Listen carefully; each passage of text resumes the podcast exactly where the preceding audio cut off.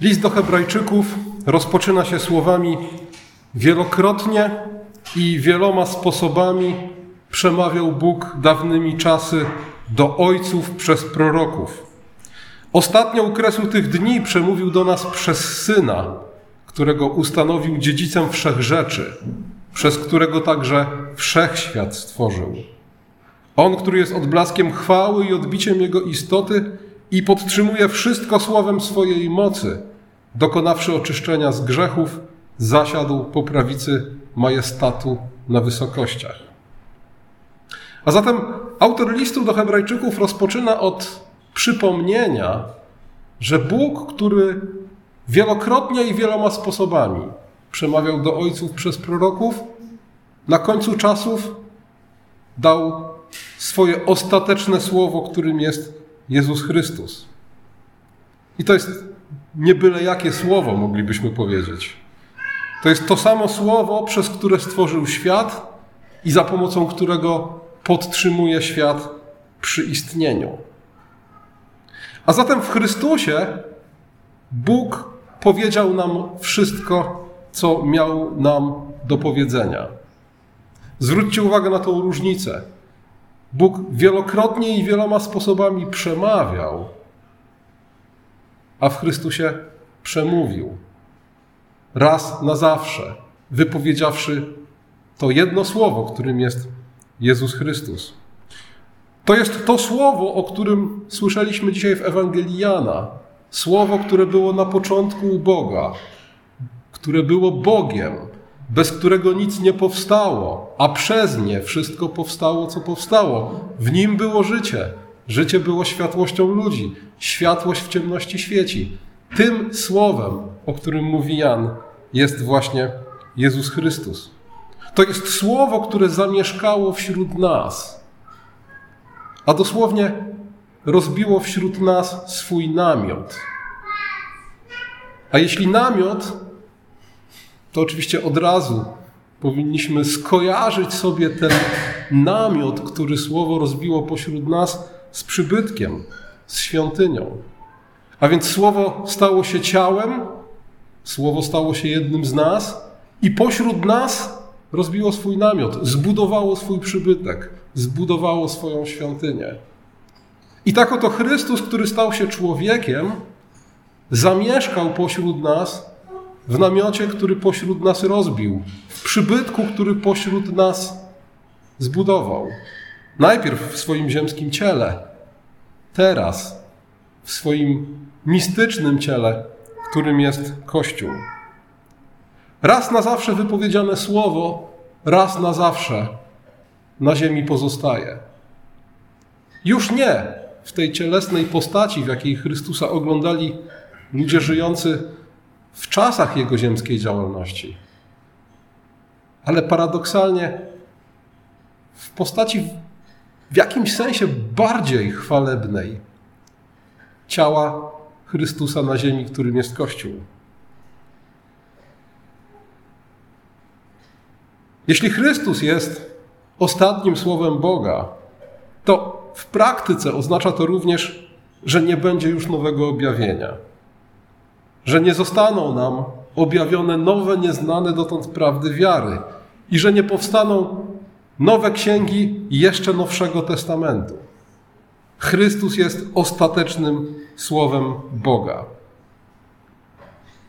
Z tym słowem możemy obcować poprzez Pismo Święte. Wiemy, że Kościół zbudowany jest na fundamencie apostołów i proroków i że w Bożej opatrzności to ostateczne słowo, które Bóg wypowiedział w Chrystusie, dociera do nas w pewnej i niezawodnej postaci, jaką jest spisane Słowo Boże. Słowo, które spisali apostołowie, ci, którzy przez Chrystusa zostali do tego dzieła powołani i wyznaczeni. W Piśmie Świętym, w apostolskich pismach Nowego Testamentu możemy obcować z tym ostatecznym słowem, które Bóg w ostatnich czasach skierował do ludzkości. A zatem Bóg nie przemawia już, jak czynił to dawnymi czasy, przez proroków, ale nie znaczy to oczywiście, że Bóg milczy.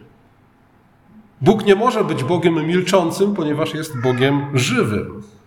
W Psalmie 15 czytamy, że to fałszywi bogowie. Mają usta, ale nie mówią. Nasz Bóg jest żywy. Nie mówi już tak, jak mówił do ojców przez proroków, ale słowo, które wypowiedział w Chrystusie i które do nas dociera poprzez apostolskie pismo Nowego Testamentu, brzmi i wybrzmiewa i przemawia i będzie przemawiać aż do końca czasów.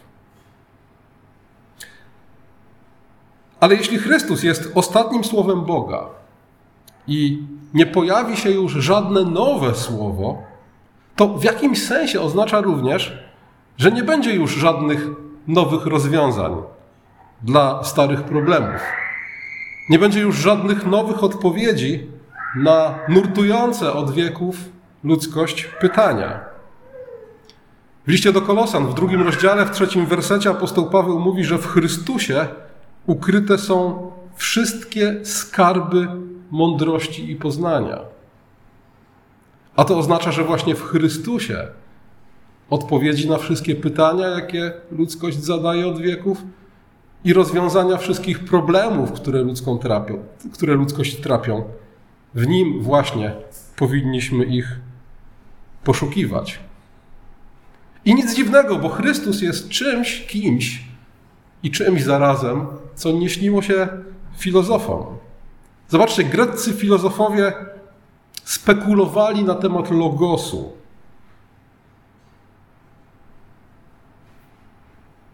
Czegoś, co jest istotą mądrości, ale tak naprawdę te ich spekulacje to była tylko niewyraźna intuicja, przeczucie i zamglony obraz tego, czym jest prawdziwy Logos Chrystus. Słowo, które stwarza świat, podtrzymuje go przy istnieniu i jest źródłem wszelkiej mądrości i wiedzy. A zatem nie będzie już nowego słowa. Nie będzie już nowego objawienia. Nie będzie już nowych odpowiedzi na stare pytania, ani nowych rozwiązań starych problemów. Zresztą w tym okresie, jaki minął od przyjścia Chrystusa, widzimy, że pojawiają się nowe prawdy, które bardzo szybko okazują się być starymi herezjami. A co jakiś czas pojawia się nowa moralność, która bardzo szybko okazuje się być starą niemoralnością. Ale czy to oznacza, że nie mamy szansy stać się mądrzejszymi od naszych przodków, skoro nie będzie już nowej prawdy i mądrości? Oczywiście, że mamy szansę stać się mądrzejszymi od naszych przodków i co więcej, do tego właśnie jesteśmy powołani, ale nie dzięki nowemu światłu i nowemu objawieniu. Powinniśmy stawać się mądrzejsi od naszych przodków dzięki głębszemu poznaniu Chrystusa. Dzięki głębszemu poznaniu Słowa, które jest z nami od dwóch tysięcy lat, a po to, żeby je zgłębić, potrzebujemy kolejnych wielu tysięcy lat, a i tak na końcu okaże się, że nie zgłębiliśmy go jeszcze dostatecznie. A zatem błądzi ten, kto ponad Chrystusa przedkłada kogokolwiek i cokolwiek. Błądzili ci, którzy ponad Chrystusa przedkładali to, co było przed nim. I taki jest bezpośredni kontekst listu do Hebrajczyków. List do Hebrajczyków skierowany był do wierzących Żydów, którym ich niewierzący ziomkowie mówili: Kim jest wasz Chrystus? Jest nikim przy Mojżeszu. Jego słowo jest niczym przy słowie, które za pośrednictwem aniołów do nas docierało. I właśnie w odpowiedzi na tego typu zarzuty autor listu do Hebrajczyków mówi: Jest dokładnie odwrotnie. Wielokrotnie i wieloma sposobami przemawiał Bóg dawnymi czasy do ojców przez proroków, ale teraz dał ostateczne słowo w Chrystusie. I potem mówi o wyższości Chrystusa nad aniołami, którzy byli pośrednikami Starego Przymierza i nad Mojżeszem, który był prawodawcą Starego Przymierza. A zatem ten, kto chciałby odrzucić Chrystusa i wrócić do tego, co było przed nim, błądzi. Ale dokładnie tak samo błądzi ten, co chciałby oczekiwać czegoś lub kogoś, co przyjdzie po Chrystusie i przyniesie nowe prawdo, nową, nową prawdę, nowe słowo, nowe światło. To w Chrystusie ludzkość stała się pełnoletnia. Otrzymała wszystko, co jest potrzebne, żeby w pewnego rodzaju pełnoletności i samodzielności wzrastać ku coraz większej dojrzałości. Zapewne pamiętacie ten obraz, którego apostoł Paweł używa w liście do Galacjan. Mówi dziedzic. Ktoś, do kogo w przyszłości będzie należało wszystko. Dopóki jest dzieckiem, jest poddany surowej opiece porównywalnej z niewolą, surowej opiece wychowawców i pedagogów. Ja wiem, że my dzisiaj mamy inną wizję wychowania dzieci, ale biblijna wizja wychowania dzieci w jakimś sensie sprowadza się do tego, że małe dziecko pozostaje niemal w niewoli. Niemal w niewoli w tym sensie, że pilnujemy go na każdym kroku. I o większości rzeczy decydujemy my, chociażby po to, żeby je chronić. Ale im jest starsze, tym więcej swobody otrzymuje. Tym mniej do powiedzenia mają ci pedagodzy i wychowawcy.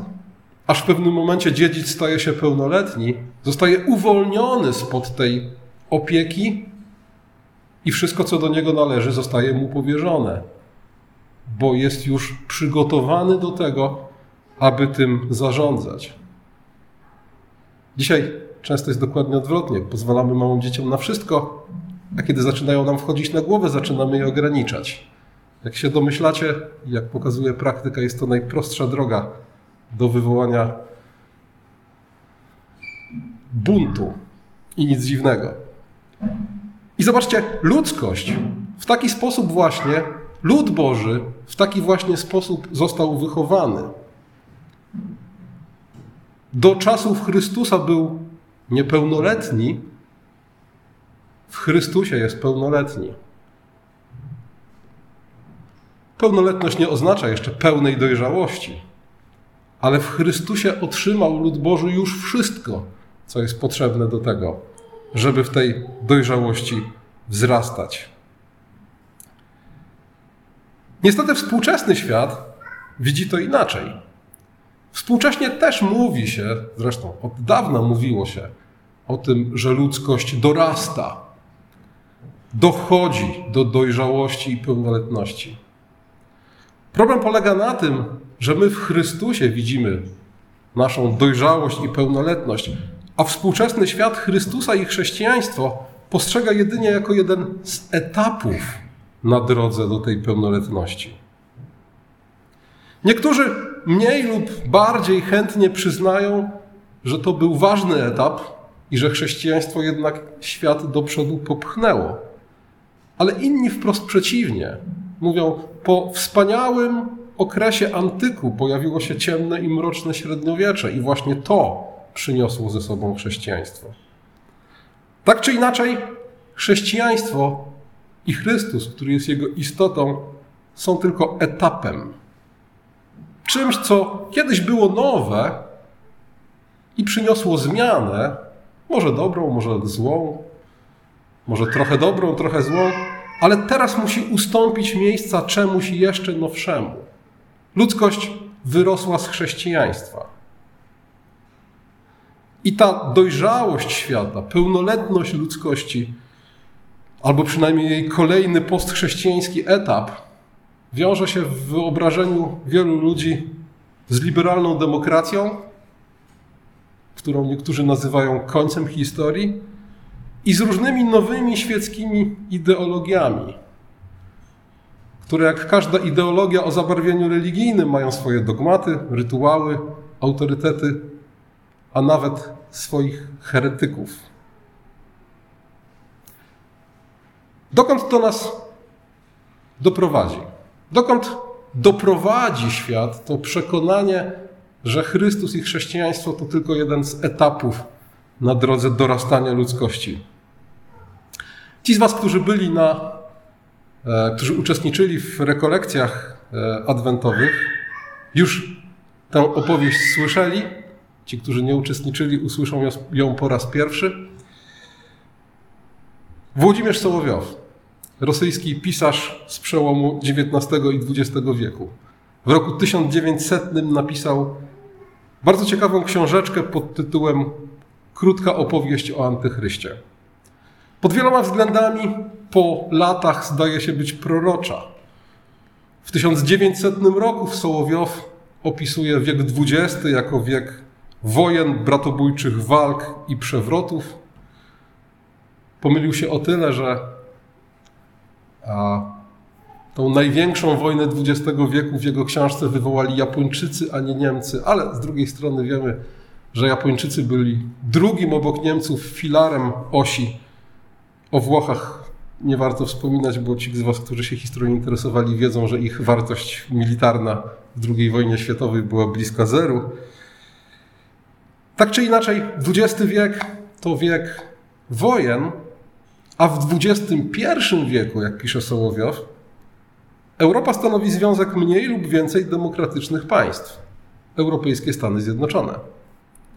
I co więcej, koryfeusze wspólnej polityki europejskiej ubolewają nad brakiem wspólnej władzy wykonawczej, bo osiągnięta z takim trudem jedność europejska mogła się lada chwila ponownie rozpaść. Jeśli chodzi o sytuację duchową w XXI wieku, tej zjednoczonej Europy, Sołowiow mówi, z jednej strony nastąpił ostateczny upadek teoretycznego materializmu, bo wyobrażenie o świecie jako systemie tańczących atomów i o życiu jako rezultacie mechanicznego nagromadzenia najdrobniejszych zmian substancji, takie wyobrażenie nie mogło już zadowolić ani jednego myślącego umysłu. Ale z drugiej strony Europa utraciła zdolność do naiwnej, spontanicznej wiary. Jak pisze Sołowiow, takich pojęć jak Bóg, który stworzył świat z niczego, przestają uczyć już nawet w szkołach elementarnych. Wypracowany został pewien ogólny, podwyższony poziom wyobrażeń o tych sprawach, poniżej którego nie może zejść żaden dogmatyzm. Zobaczcie, jakie to jest bliskie temu współczesnemu rozumieniu postchrześcijańskiej dojrzałości świata.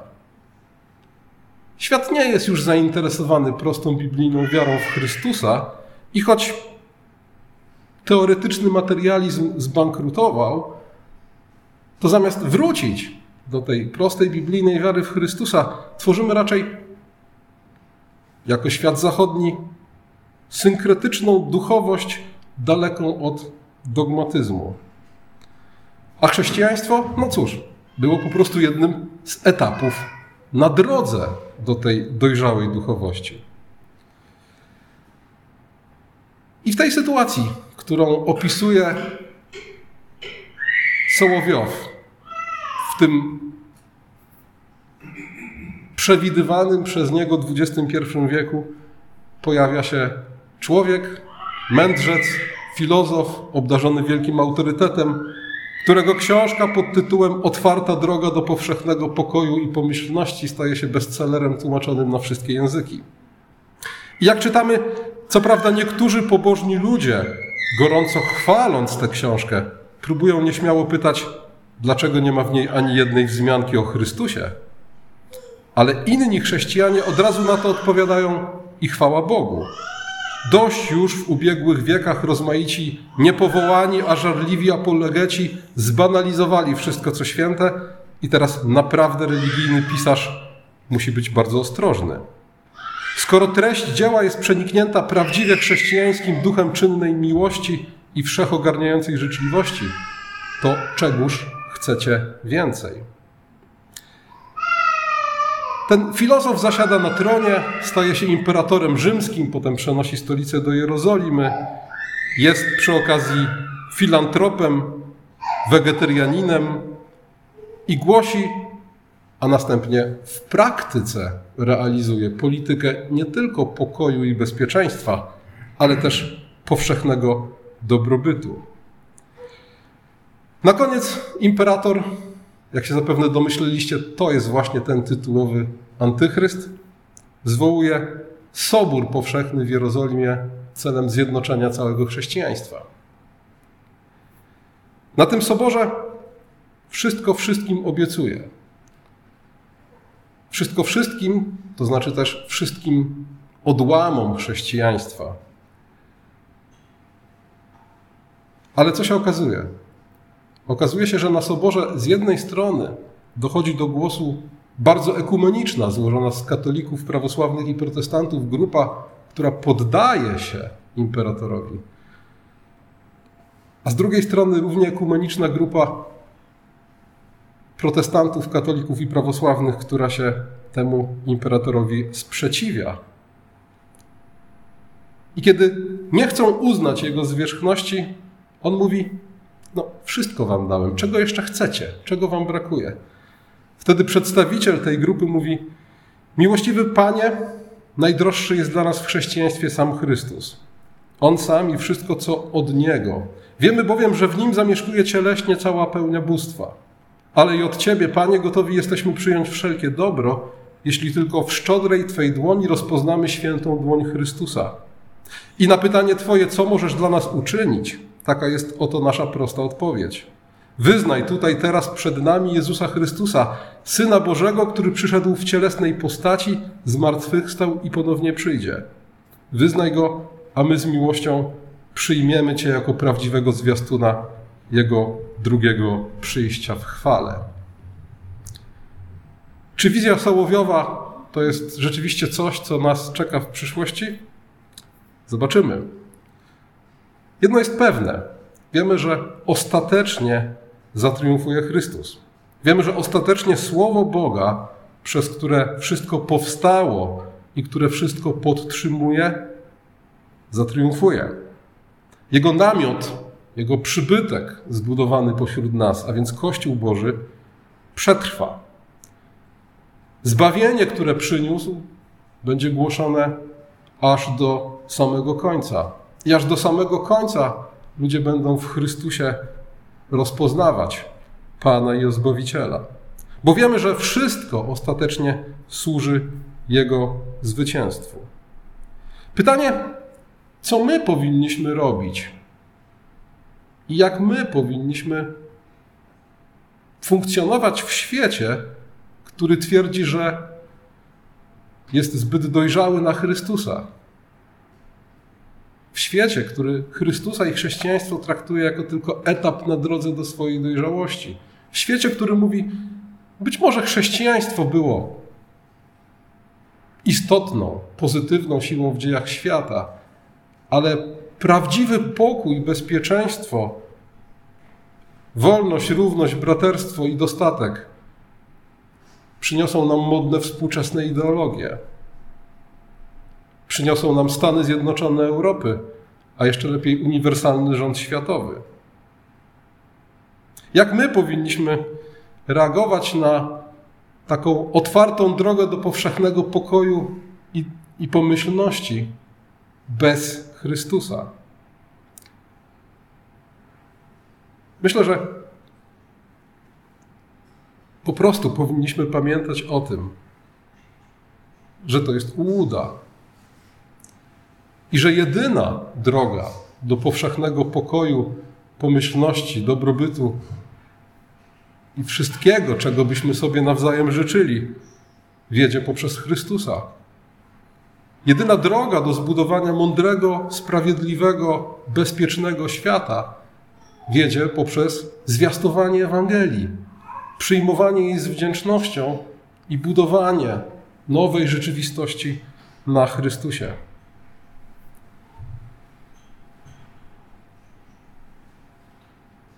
Ten fragment z listu do Hebrajczyków zawiera cytat z Psalmu drugiego, który będziemy za chwilę śpiewać. Kiedy Autor listu do Hebrajczyków mówi o wyższości Chrystusa nad aniołami, mówi: No bo do którego z aniołów Bóg kiedykolwiek powiedział: Synem mi jesteś, dziś cię zrodziłem. I wielu komentatorów widzi jeszcze jeden związek pomiędzy Psalmem drugim a tym początkiem listu do Hebrajczyków. W Psalmie drugim Bóg wzywa swojego Mesjasza, swojego pomazańca: proś mnie, proś mnie, a dam ci narody w dziedzictwo. W Hebrajczyków, w pierwszym rozdziale, w drugim wersecie, widzimy wypełnienie tej, czy odpowiedź na tą modlitwę, kiedy Chrystus jest przedstawiany jako ten, którego Bóg ustanowił dziedzicem wszech rzeczy, a więc Panem wszelkiej rzeczywistości. To jest nasza odpowiedź na świat, który uważa, że wyrósł z Chrystusa, wyrósł z chrześcijaństwa i idzie dalej jakąś własną drogą ku dojrzałości. My wiemy, że Chrystus jest ostatecznym słowem Boga, że w nim ukryte są wszystkie skarby mądrości i wiedzy. W nim szukamy odpowiedzi na wszystkie stare pytania i rozwiązania wszystkich starych i nowych problemów. I wiemy też, że cokolwiek ludzkość sobie wyobraża i myśli na ten temat, w ostateczności Chrystus jest dziedzicem wszech rzeczy, Bożym Panem, Jego pomazańcem, tym, któremu Bóg wszystko poddaje w panowanie. Amen.